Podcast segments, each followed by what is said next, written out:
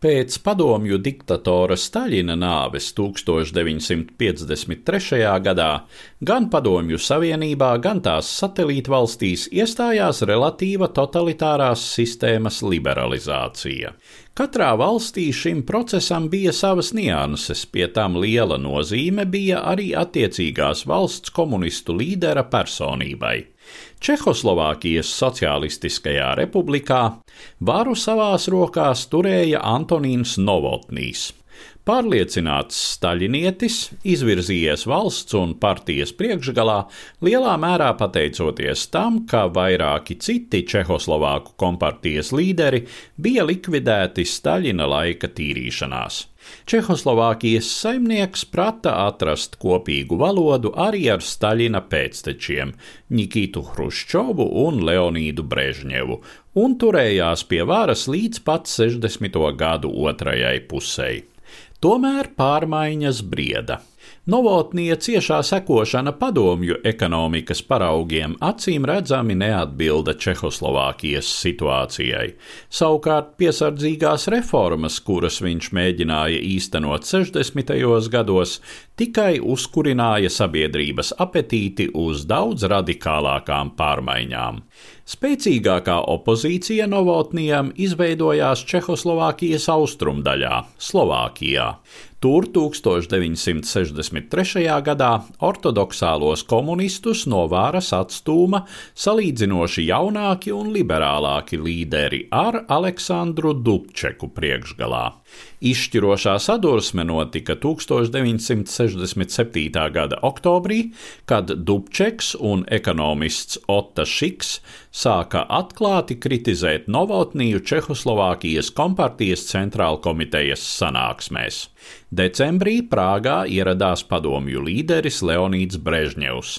Tomēr sapratis, cik vājas kļūšas Novotnija pozīcijas, varenais ģenerālsekretārs deva piekrišanu Čehoslovākijas līdera nomaiņai. 1968. gada 5. janvārī Aleksandrs Dubčeks tika ievēlēts par Čehoslovākijas kompartijas pirmo sekretāru. Nepilni astoņi mēneši, kurus Dubčeks un viņa domu biedri bija Čehoslovākijas kompartijas un valsts vadībā, ieguvuši Prāgas pavasara nosaukumu. Tas bija mēģinājums liberalizēt totalitārā komunisma sistēmu un radīt, paša Dubčeka vārdiem runājot, sociālismu ar cilvēcīgu seju. Faktiski tika pārtraukta cenzūra un ļauta vārda brīvība atcelti daudzi ierobežojumi izbraukšanai uz ārzemēm, uzsākts varas decentralizācijas process. Tika cilātas idejas par ekonomikas liberalizāciju, rūpniecības pārorientēšanu uz patēriņa preču ražošanu, iespējamu reālas daudzpartiju sistēmas ieviešanu.